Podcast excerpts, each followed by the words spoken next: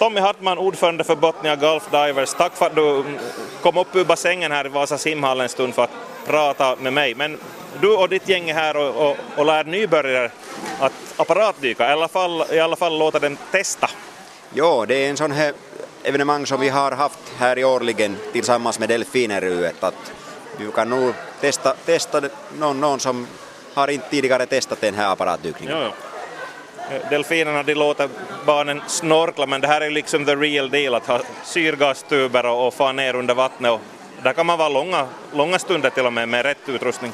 Ja, det stämmer nog att, att det finns nog ganska olika, många olika former av, av den här apparatdykningen också. Att det finns nog den här, kan man nog säga, vanliga och sen det kan, finns nog den, den där tekniska dykningen som, som är nog mycket mer avancerad och tar nog mycket mer tid och pengar också. Mm.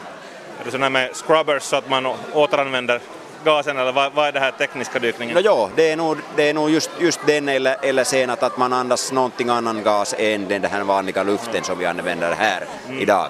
Man klarar större djup och sådär? No, då, det är nog en del, ja. Då har jag nappat i två tjejer som har testat på dykning. För dig var det första gången men du har gjort det en gång förut och du fick med dig kompisen. Julia, du sa här före jag tryckte på räck att du har testat i Grekland var det att dyka.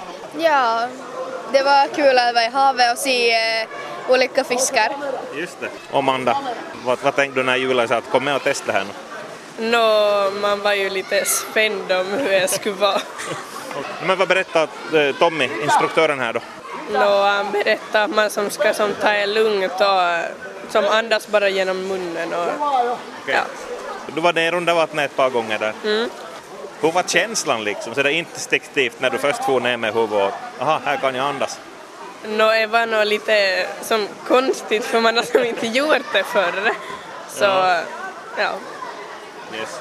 Nu hör ni Julia och Amanda, är det här en hobby som ni skulle kunna tänka er att börja hålla på med? Ja, jag har ändå problem med öronen så i så fall kanske med någon meter men inte jättedjupt. Okej. Okay. Och du? No, jag skulle nog ändå kunna göra. Ja, ja. Får se om du blir medlem i den föreningen 123. ja. ja. Hej, tack ska ni ha. Ja, yes. Som du sa, det finns ju många sorters dykning, man kan dyka på många ställen. Här är bassäng, men så i sjöar och hav och floder och finns det grott och gruvdykning, men det är farliga grejer. Nå, no, kan man nog säga att det är farliga, farliga grejer. Ingen av dem är nog farliga om man han har bara rätt utrustning och sen rätt utbildning för den. Ja. Det, det är det viktigaste, att, att göra inte någonting som du är inte utbildad för. Ja. Fundera här med en person att, att om man hör om en dykningsolycka så då, då är det i alla fall oftast är det så att man har, man har slarvat med förberedelserna eller gjort något fel, liksom det är mänskliga misstag. Ja, det är tyvärr ganska ofta, ofta en, en stor, stor sak med den, men den försöker vi nog få bort med, med rätt utbildning och rätt ska vi säga, säkerhetssystemen. Ja, ja. Hördu Tommy Hartman, man kan väl tävla i sån här apparatdykning också? Orientering och allt vad det kan vara? No, ja, det är nog, men eh, nu för tiden det har nog varit ganska, ganska få av de här, de här tävlingarna, men det är nog också möjlighet. möjlighet. Men jag skulle nog säga att, att den där största, största äh, delen är nog en sån här vanlig dyk var man har nog visst, visst ställe och, och man vill nog se vad det finns där eller finns det nog någonting som vi har inte sett tidigare eller, eller har den här och sen förstås det är nog det ena att en sån här eh, mycket bekant plats är nog helt annorlunda på sommartiden och helt annorlunda på vintertiden till exempel. Mm. Att det är nog någonting som kan nog bjuda på. Hur är det när det kommer en total gröngöling här och vill testa på det här? Eller vad ger ni för instruktioner? No, jo, det är nog viktigaste, det är nog några mycket viktiga regler i den här dykningen. Är nog, en första är nog att, att man måste nog andas hela tiden och sen man måste nog kunna den, eh, även här i bassängen den här tryckutjämningen. Det är nog viktigt också att det är nog några saker som man kan nog börja med. Sen själva den här utbildningen, där finns nog ganska mycket, mycket övningar var man lär bara sig att, att uh, ha någon lösning om man har någon problem. Själva dykningen är nog ganska enkelt och ganska ja, lätt. Men man ska vara förberedd? Ja, det är just det.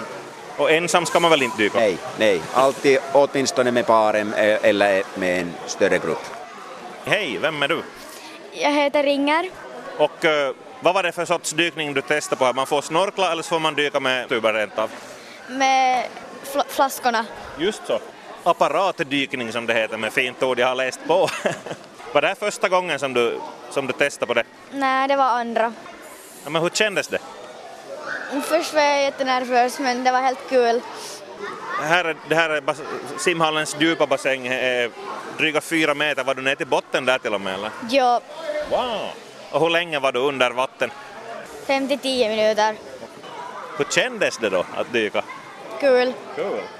Jaha, är det här liksom en hobby för dig nu? Ska du, ha, ska du skaffa egen utrustning? Nej, de kostar allt för mycket. Jaha. Okej, jag ska fråga av det här gänget som är här och, och lär ut vad, vad grejerna kostar och så vidare. Men flera gånger, vill du dyka flera gånger? Jag vet inte. Det är alltid samma sak, man blir alltid jättenervös. Är det en dyr hobby? Eh, Jag skulle nog säga att det är inte hemskt dyrt. Förstås som, som sa det att, att man har nog möjlighet att, att eh, sätta alla sina pengar på den, men också det är nog möjlighet att, ska vi säga den, den, den där, att börja, då tar det nog lite, lite pengar så att man har nog egen och tillräckligt bra utrustningen. Men sen med den här utrustningen så klarar man nog, om man vill, nästan hela sin dykkarriär. Jo, jo.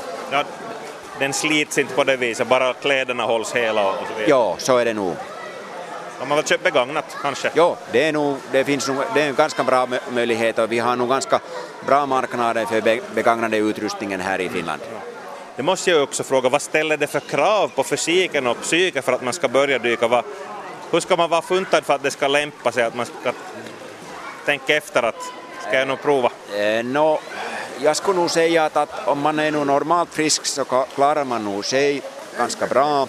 Och sen, jag skulle nog säga att, att den här vanliga dykningen med öppenvatten är e nog så, så fint och en sån här rymlig, rymlig ställe att då finns det nog inte så hemskt mycket, mycket krav på den här, den här psykiska sidan.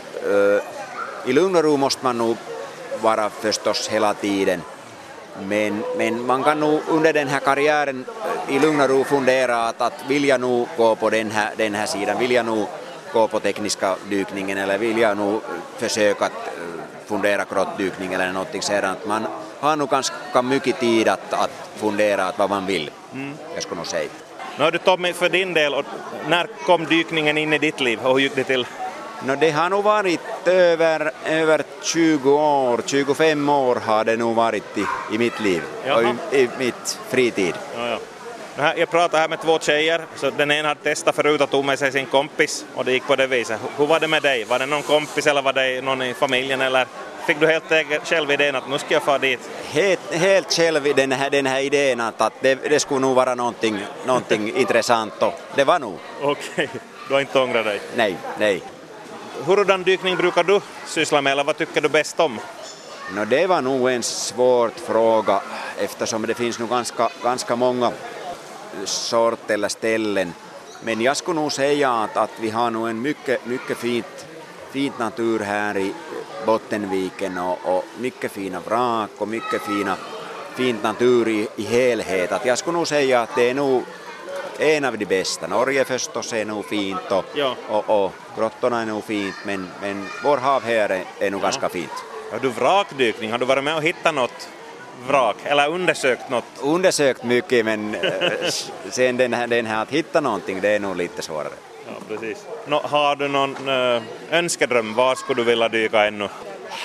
Ja, jag skulle nog säga att på, på Finska viken det finns nog ganska många sådana vrak som är nog mina, mina önskemål. Tack ska du ha Tommy Hartman, tillbaka i bassängen med dig. Tack, hej!